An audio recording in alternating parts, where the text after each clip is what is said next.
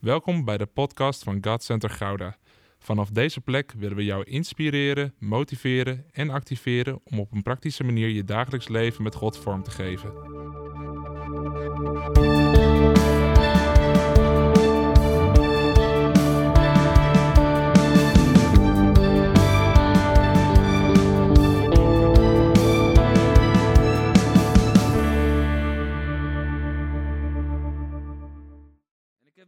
Een paar weken op mijn hart en ik wil vandaag daarmee aftrappen, een nieuwe serie. Ik geloof dat het goed is om met deze serie dit jaar uit te gaan, maar ook het nieuwe jaar te starten en de serie heet Switch.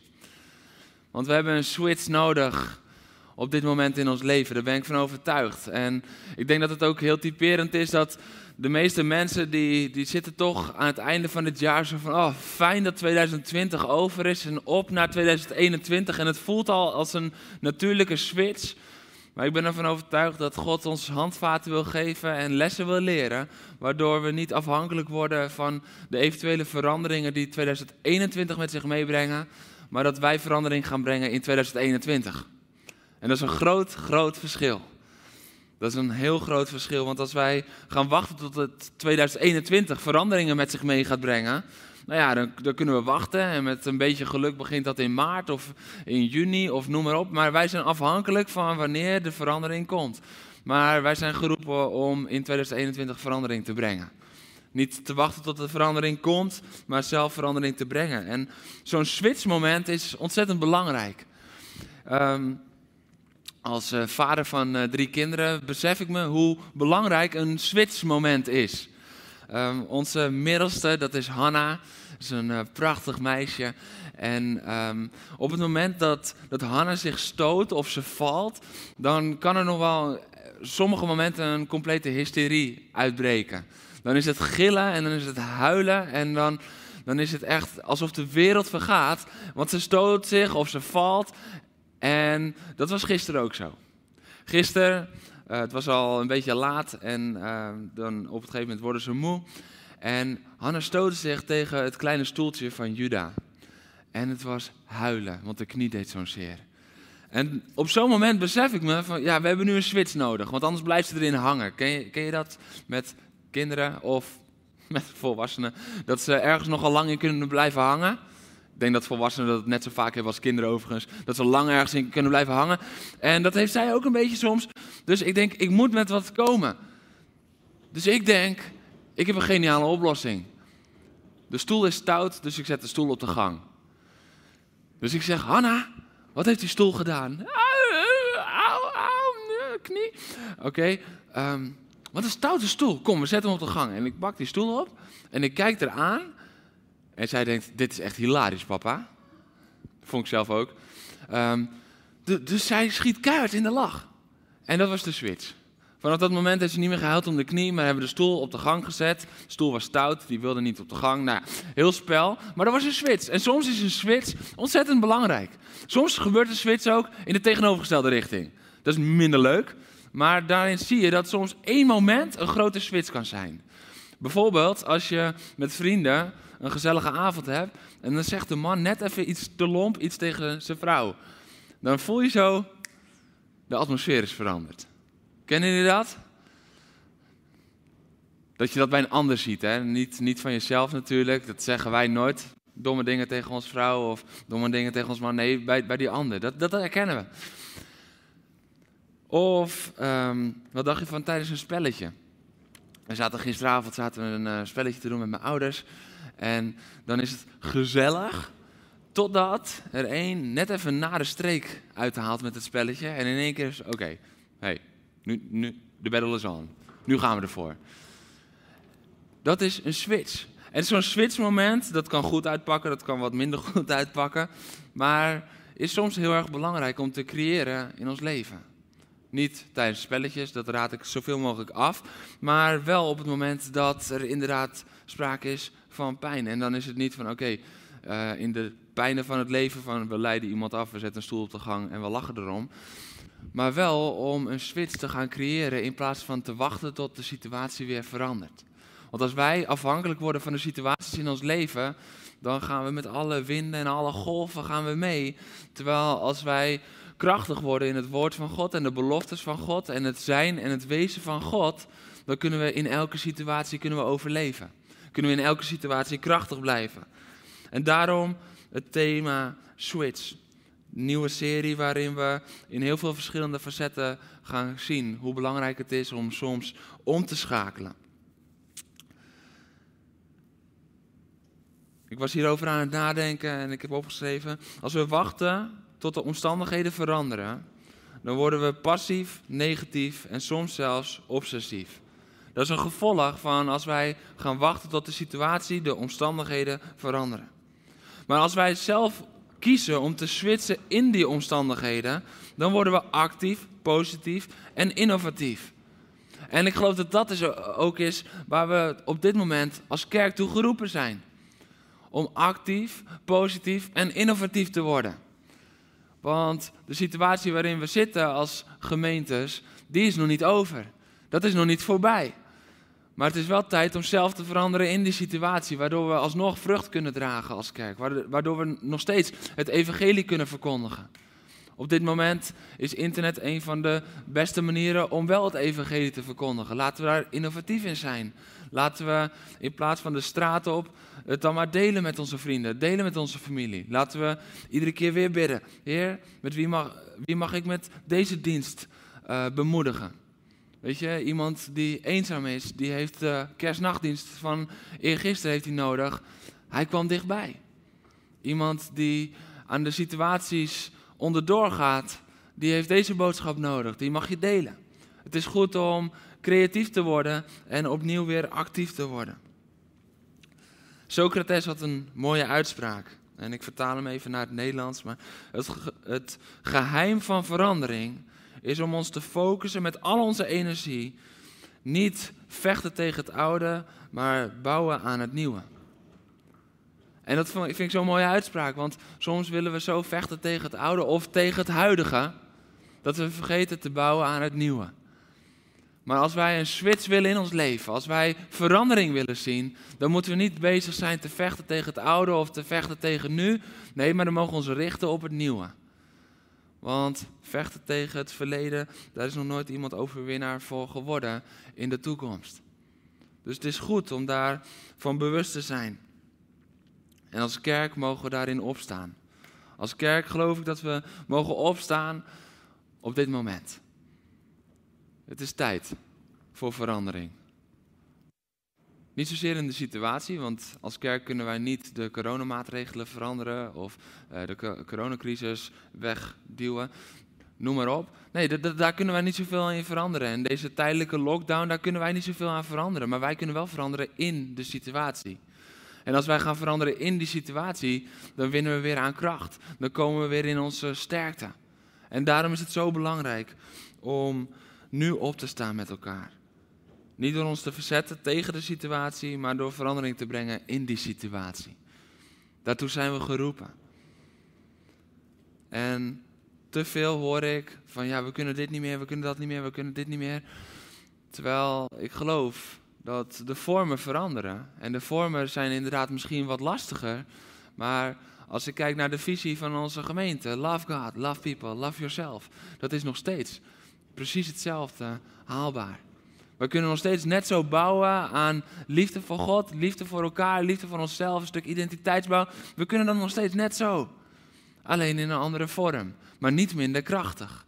En soms bepalen wij dat de vorm bepaalt hoe krachtig het is. Dus als, als de vorm anders is of minder is in onze ogen, dan gaan wij wel daarop labelen dat God dan ook minder krachtig aanwezig is. Of dat God minder krachtig kan werken. En misschien zit je nu in je woonkamer en denk je van ja, maar dat is toch ook gewoon zo, want we zijn niet bij elkaar. Ja, we zijn niet bij elkaar en dat missen we. Dat gaan we niet, we steken niet onze kop in het zand. Dat missen we. Maar God is net zo krachtig aanwezig in jouw woonkamer als hier in deze ruimte. En God is net zo onveranderlijk als dat hij is als we hier zijn met elkaar. God is nog precies hetzelfde als een jaar geleden. Het is tijd voor een switch in ons denken. En als we komende weken met switch aan de gang gaan, verandering, omschakelen, dan is het belangrijk om het juiste fundament te leggen van waaruit een omschakeling, een verandering mogelijk is. En dat is namelijk uit de onveranderlijke God. Dus waar we het gaan hebben over verandering is het fundament dat we een God hebben die nooit verandert. En daardoor is verandering mogelijk. Laten we met elkaar gaan staan voor het woord van God en lezen Malachi 3, vers 6 en 7. Daarna schakelen we nog even door naar Hebreeën 13, vers 8. Eerst Malachi 3, vers 6 en 7. Ik, de Heer, ben niet veranderd. En jullie gedragen je nog altijd als nakomelingen van Jacob. Jullie voorouders hielden zich al niet aan mijn geboden. En jullie doen het ook niet. Keer naar mij terug, zegt de Heer van de hemelse machten. Dan zal ik ook naar jullie terugkeren en jullie zeggen, en jullie zeggen, hoezo moeten wij terugkeren? Die vraag gaan we niet verder op in, maar het gaat even om dit. Ik, de Heer, ben niet veranderd. En dan wordt het duidelijk van ja, het volk is als het ware eigenlijk ook niet echt veranderd. Maar daar zit juist het probleem, want daar moet wel verandering komen. En dan zegt de Heer, keer naar mij terug. Hij is onveranderbaar. Hij is niet veranderd. Hij is precies dezelfde. En hij roept op om, aan ons om wel te veranderen, om terug te keren naar hem. Dat was Malachi 3, vers 6 en 7. We pakken Hebreeën 13, vers 8 ook. Jezus Christus blijft dezelfde. Gisteren, vandaag en tot in eeuwigheid. Jezus Christus blijft dezelfde. Gisteren, vandaag en tot in eeuwigheid. Openbaring zegt hij is de Alpha en Omega. Hij is het begin en het eind. Er is geen verandering in hem. Hij is altijd dezelfde. Je mag lekker gaan zitten. Halleluja.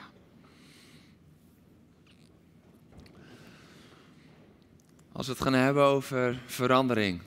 En als we ook de komende weken iedere keer daarin zullen oproepen om op te staan tot verandering. Om krachtig te worden om verandering teweeg te brengen. Want dat is wat God van ons vraagt. Dat is waar God ons toe roept. De Bijbel ons toe inspireert. Dan moeten we eerst het fundament leggen in die onveranderlijke God. God die altijd hetzelfde is. Wat jij ook hebt gedaan, hoe jij je ook voelt, door welke storm jij ook gaat, of je op de bergtop zit of in het diepste dal. Hij is dezelfde. En hoe heerlijk is het om te weten en om die zekerheid opnieuw in ons hart te sluiten. Want soms kunnen we zo door de situatie in beslag worden genomen en zo in de situatie in de golven meegaan, dat we zelf net zo instabiel worden als de golven zelf. En we vergeten te kijken naar de grootheid van God, die altijd dezelfde is. En we vergeten misschien wel te vertrouwen op God, die altijd trouw is. Maar verandering is alleen mogelijk door de God die niet verandert. Dat is onze zekerheid, dat is onze veiligheid. En het eerste punt van vandaag is daarin ook dat kerst bracht een switch in de geschiedenis, maar niet een switch in God. Soms wordt een hele ongezonde scheiding gemaakt tussen God van het Oude Testament en God van het Nieuwe Testament. En misschien zeg je, nee, nee, nee, want God is altijd hetzelfde. Maar, maar als je het Oude Testament leest en het Nieuwe Testament leest, dan, dan proef je toch daar een verschil in. En lees je God anders in het Oude Testament als in het Nieuwe Testament. Maar kerst is het kantelpunt in de geschiedenis. Besef dat wij de afgelopen twee dagen en de nachten voor kerstnacht, dat we daar het grootste kantelpunt uit de geschiedenis, uit de wereldgeschiedenis, ooit hebben gevierd. Een grote kantelpunt is er niet geweest en zal er ook nooit komen. Want dit is het punt waar God herstel brengt.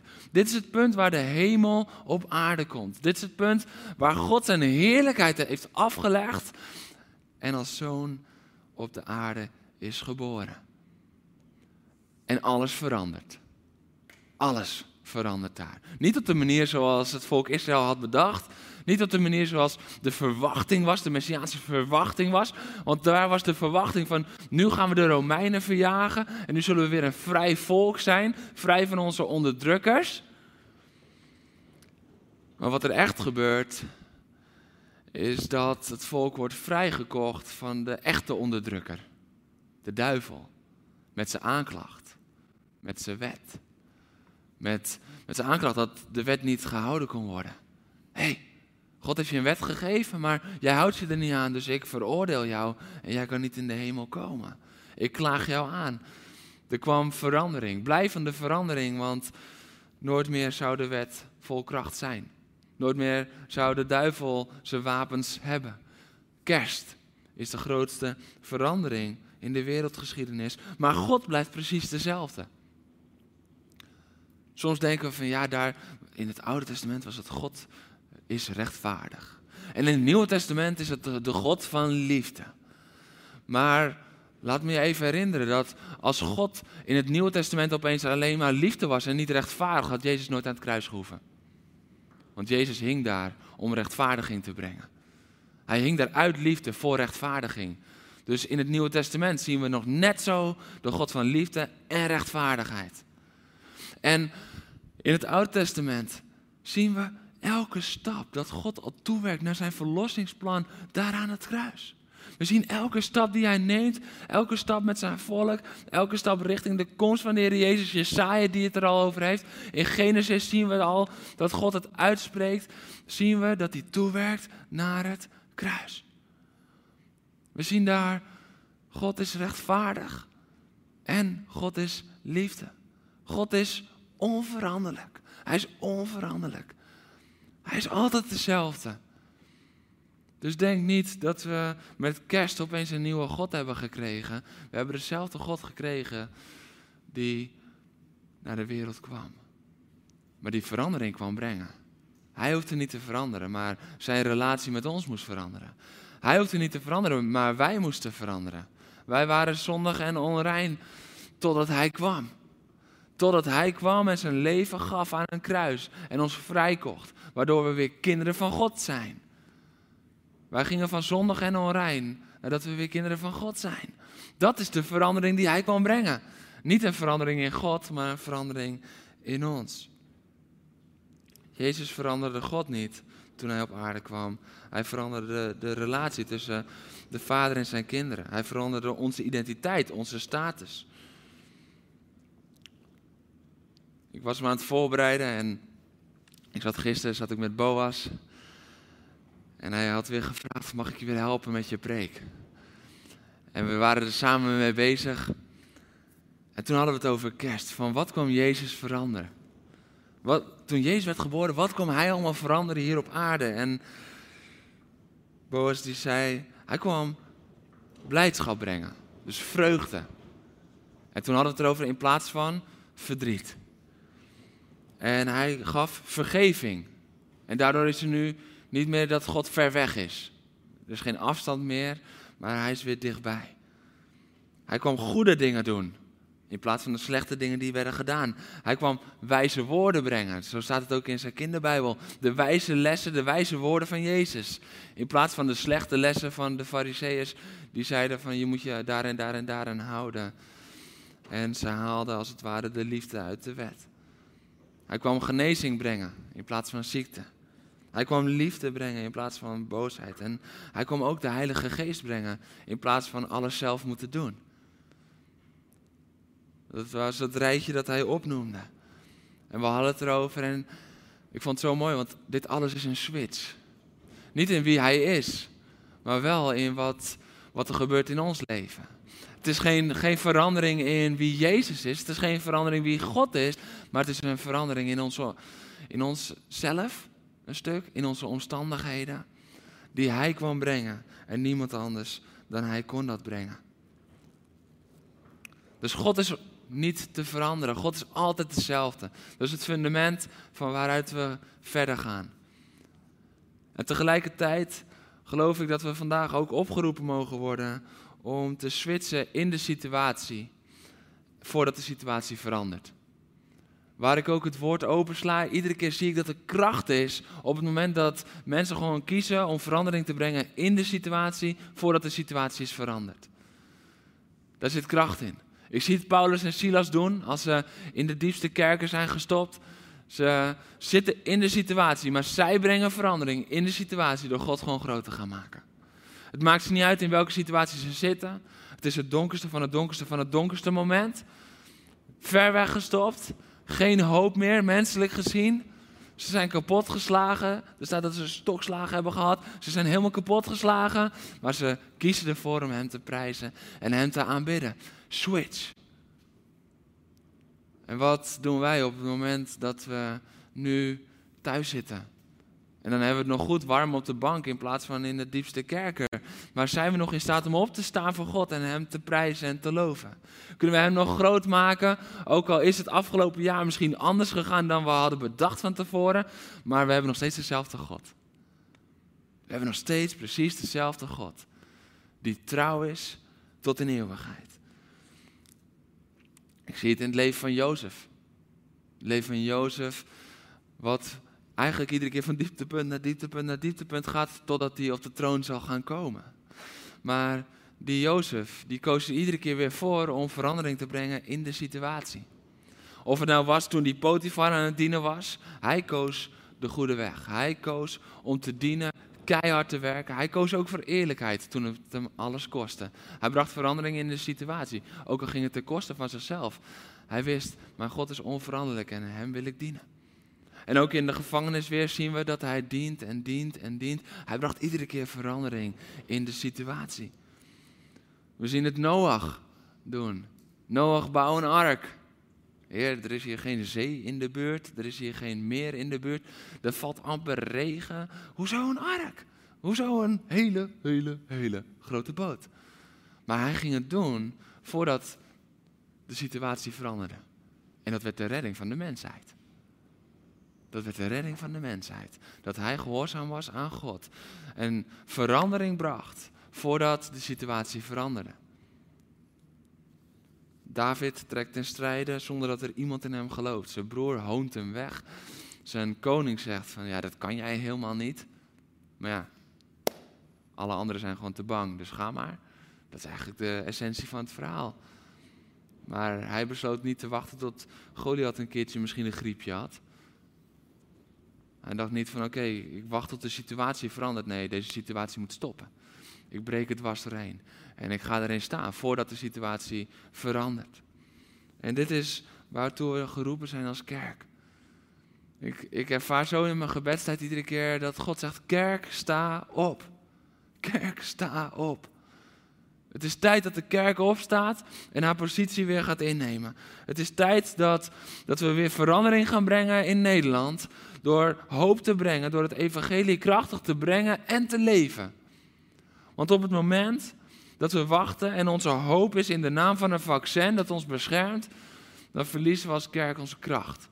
En zijn we als Nederland zijnde continu afhankelijk van de situaties waarin we ons begeven. En ja, er is een vaccin. Oh, we hebben even een anker dat uitgegooid kan worden. Maar wie weet is er over twee jaar wel weer iets anders. Is er weer een andere crisis en we zitten weer met z'n allen met onze handen in het haar, handen in de lucht en paniek. Maar wij zijn geroepen om het evangelie te brengen. Wij zijn geroepen om de onveranderlijke God te proclameren. Wij zijn geroepen om de God die niet verandert. Hij kan niet veranderen. Om hem groot te maken, maar ook om hem te brengen bij de mensen die hem zo hard nodig hebben. Want net zo hard als wij hem nodig hebben, elke seconde van elke dag, hebben andere mensen die hem nog niet kennen, hebben hem nodig. Ze weten het alleen nog niet. Het feit dat mensen niet weten dat ze God nodig hebben, bepaalt niet dat ze hem niet nodig hebben. De nood is alleen maar groter dat ze hem nodig hebben. Ze weten het zelf alleen nog niet. Juist nu zijn we geroepen om krachtig te zijn als kerk. Juist nu de nood zo groot is, mogen we verandering brengen. De wereld heeft de kerk harder nodig dan ooit. Omdat ze God nodig, harder nodig heeft dan ooit. Maar als wij wachten als kerk totdat de situatie over is, als wij alleen maar gaan denken van oké, Heer, als we straks weer bij elkaar mogen komen, dan gaan we. Dan verliezen we als kerk onze kracht. Als we gaan wachten daarop. Want iedere keer als er een grote doorbraak kwam in het woord van God, zag ik dat mensen, mannen en vrouwen van God, niet wachten tot de situatie veranderde, maar besloten, bam, ik dien een onveranderlijke God. Mijn God is trouw, mijn God is goed, mijn God heeft kracht. Mijn God overstijgt elke situatie, dus ik ga erin staan. En dat is waar we toe zijn opgeroepen als kerk. Het is tijd om weer op te staan.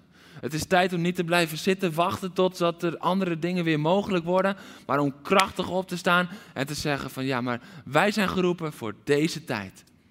Wij zijn geroepen voor deze tijd. Juist om in deze tijd nieuwe hoop te brengen. Juist om in deze tijd te brengen het nieuws van God die dichtbij kwam.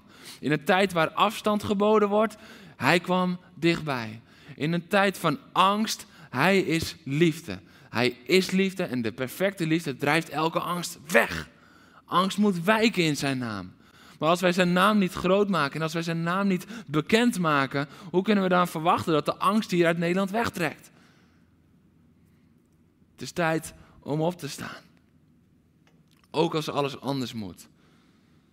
De vorm is momenteel anders, maar God is nog steeds hetzelfde. We moeten een switch maken. In plaats van balen van de vorm, kijken naar de onveranderlijke God. Switch. Het is tijd voor een switch. Een knuffel geven kan niet, maar liefde is nog steeds aanwezig. Switch. Ja, we missen de vorm. Ik bedoel, we gaan niet uh, vroom lopen praten. Tuurlijk missen we de vorm. We missen het om elkaar een knuffel te geven. Maar soms labelen we dat zo erg dat we daardoor zeggen: ja, liefde is niet meer aanwezig. Maar ho, liefde is nog steeds aanwezig, maar in een andere vorm. Switch. We hebben een switch nodig in ons denken. Grote samenkomsten kunnen op dit moment niet. Maar we kunnen nog steeds in contact blijven. We kunnen nog steeds God groot maken. De kerk is nog steeds net zo levend. Switch. We hebben een switch nodig in ons denken. Zeker nu alles anders gaat. Martin Luther King, die zei: Als je niet kan vliegen, ga dan rennen. Als je niet kan rennen, ga dan lopen. En als je niet kan lopen, ga dan kruipen. Maar wat je ook doet, zorg dat je in beweging blijft. En ik vind het zo'n mooie uitspraak. Als dat niet kan, dan kan dat. hey, en als dat niet kan, dan kan dat. En je ziet het trappetje van vliegen, dat is wel echt het tofste, naar rennen. Oké, dan ga je maar lopen. Dan ga je desnoods kruipen, maar zorg dat je in beweging blijft. Kerk, zorg dat je in beweging blijft. Want als wij in beweging blijven, dan blijft het evangelie zich verspreiden. Dan blijft het goede nieuws van Jezus Christus, die is gekomen voor de wereld, vanuit een onveranderlijke God, die verandering is komen brengen in de wereld, dan gaat dat nieuws gaat door. Dat nieuws mag niet opgesloten zitten, omdat wij denken we moeten wachten totdat we weer kunnen. Nee, we moeten doorbreken op dit moment. Paulus en Silas die maakten God zo groot dat alle gevangenen gingen luisteren. Alle gevangenen gingen luisteren. En hoe meer ik aan dit verhaal denk, hoe meer ik denk, dit is vandaag de dag. Dit is Paulus en Silas daar in die kerken, dat is eigenlijk vandaag. Mensen zitten gevangen. In angst, in twijfel, in een crisis. Mensen zijn bang, sluiten zich op. Er is afstand geboden, kom niet te dicht bij elkaar. En op het moment dat Paulus en Silas op dat moment niet hadden gekozen om helemaal los te gaan. Zij zaten in de binnenste kerken en de anderen waren aan het luisteren. Dus zij waren ver weg. Als ze niet hadden gekozen om volledig los te gaan voor God, dan had die doorbraak niet gekomen. Maar weet je wat het effect was van hun aanbidding op God? Naar God. Het effect was niet dat alleen zij werden gered, maar boem, alle sloten sprongen open, alle deuren sprongen open. Weet je dat jouw aanbidding, weet je dat jouw switch in deze situatie niet alleen voor jezelf is, maar dat het anderen vrijzet in hun leven? Anderen die God nog helemaal niet kennen, dat het hun vrij zal zetten in hun leven? Omdat zij het keihard nodig hebben, maar ze weten het nog niet? Kerk, sta op. Het is tijd om op te staan. En ik wil je uitdagen vandaag om met elkaar niet meer te kijken naar alles wat niet meer kan, maar te gaan zoeken en te switchen naar de mogelijkheden die er zijn. Om te gaan kijken naar wat er wel kan. En als je creatieve ideeën hebt, ik zeg het je gewoon, stuur ze op via de mail, via de app. Stuur ze op naar ons. Want we willen kijken met elkaar naar wat wel mogelijk is. We willen ons richten op wat wel kan.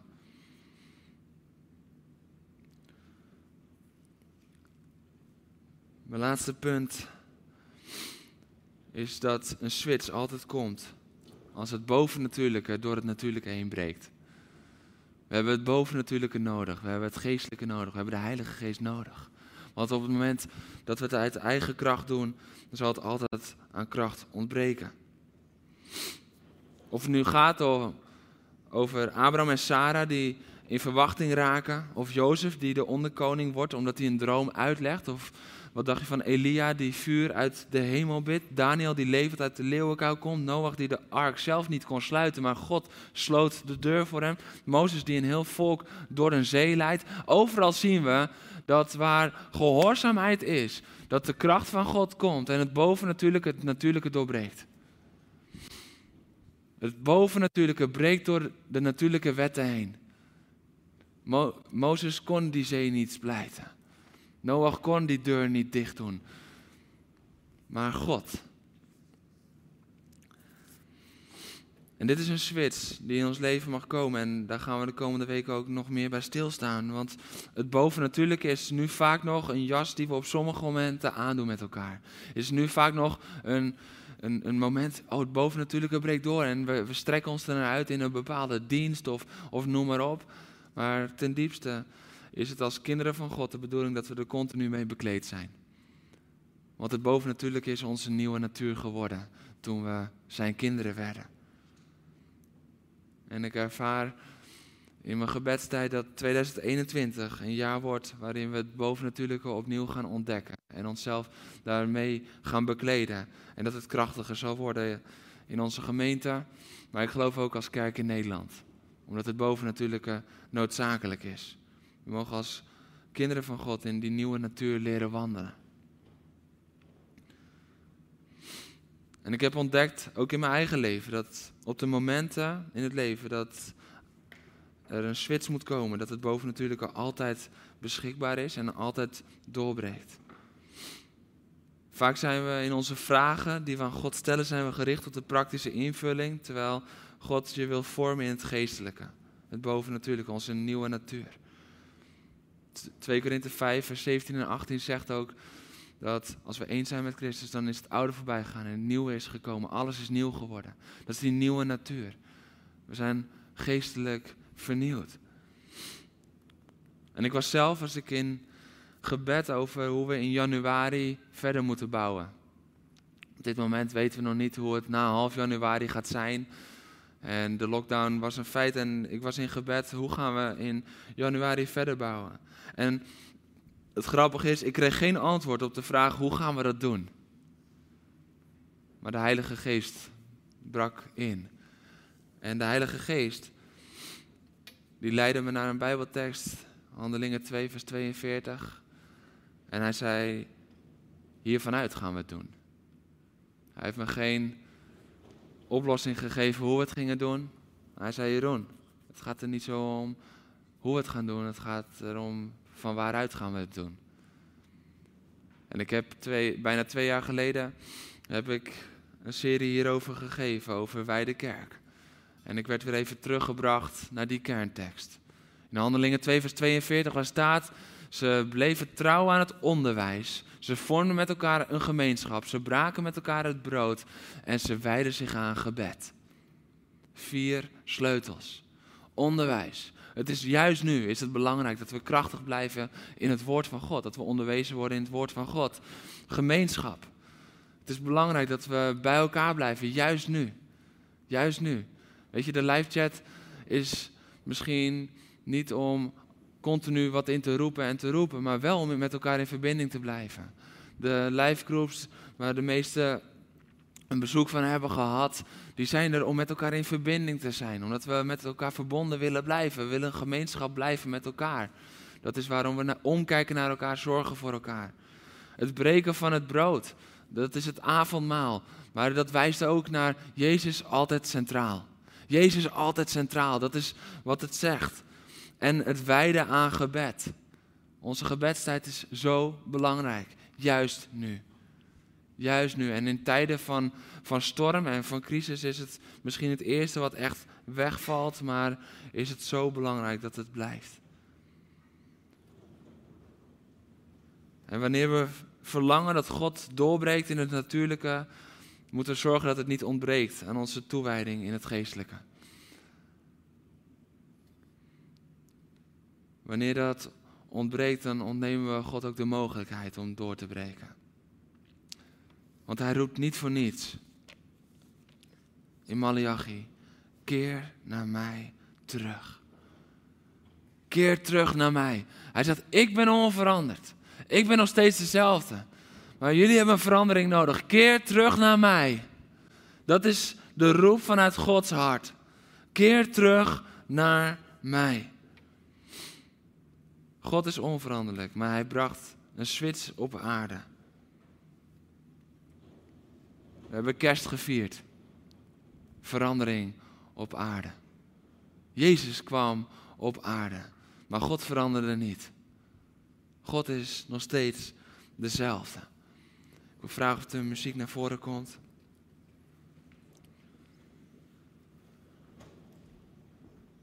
Het is de onveranderlijke God die verandering brengt. Maar onthoud dat hij eerst uit is op een verandering in jou, zodat hij een verandering kan brengen door jou, zodat er verandering kan komen voor jou. En dan zal je zien verandering om jou heen. Dat is hoe God werkt. En dat alles komt samen in kerst. De onveranderlijke God die bracht met de geboorte van zijn zoon een switch op aarde. En nog voordat we het konden zien was die verandering een feit. Vrede werd geboren, nog voordat het zichtbaar was. En dat gebeurde door het bovennatuurlijke. Altijd is het bovennatuurlijke daaraan gepaard. Het gebeurde voor het boven, eh, door het bovennatuurlijke, want Maria werd zwanger door de Heilige Geest. Switch. Het is tijd dat de kerk opstaat.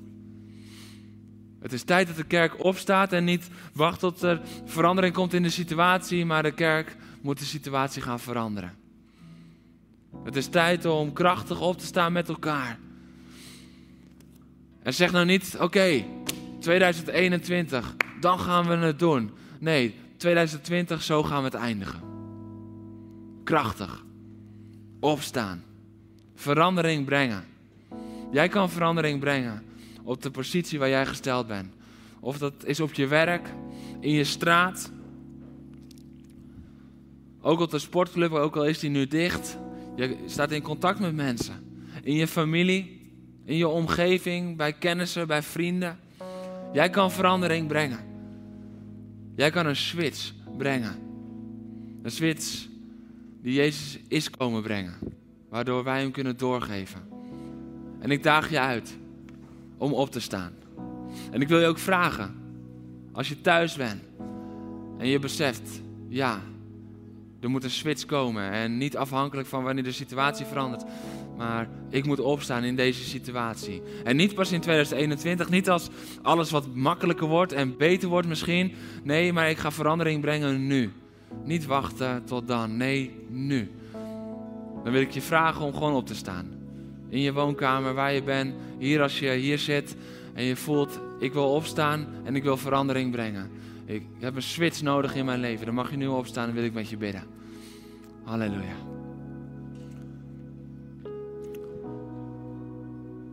Want liefdevolle Vader, we hebben een switch nodig.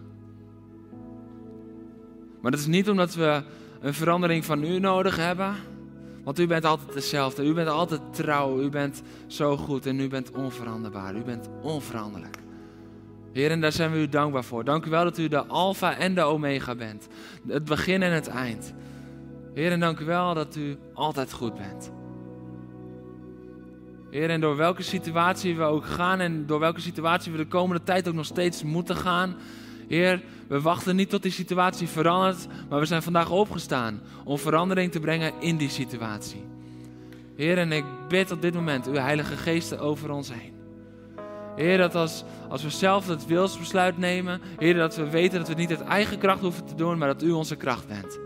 Heer, en daar danken we u voor. Dank u wel voor uw kracht, dank u wel voor uw geest, dank u wel voor uw liefde, dank u wel voor uw trouw, dank u wel voor uw inspiratie. Heer, ik bid het over een ieder uit. Dat we krachtig zullen opstaan en verandering zullen brengen in de situatie waarin we zijn. Switch. In Jezus' naam. Amen. Bedankt voor het luisteren naar deze podcast. Volg ons op onze kanalen om verbonden te blijven. Heeft deze aflevering jou geraakt? Deel dan op je socials en tag ons, zodat we samen meer mensen kunnen bereiken.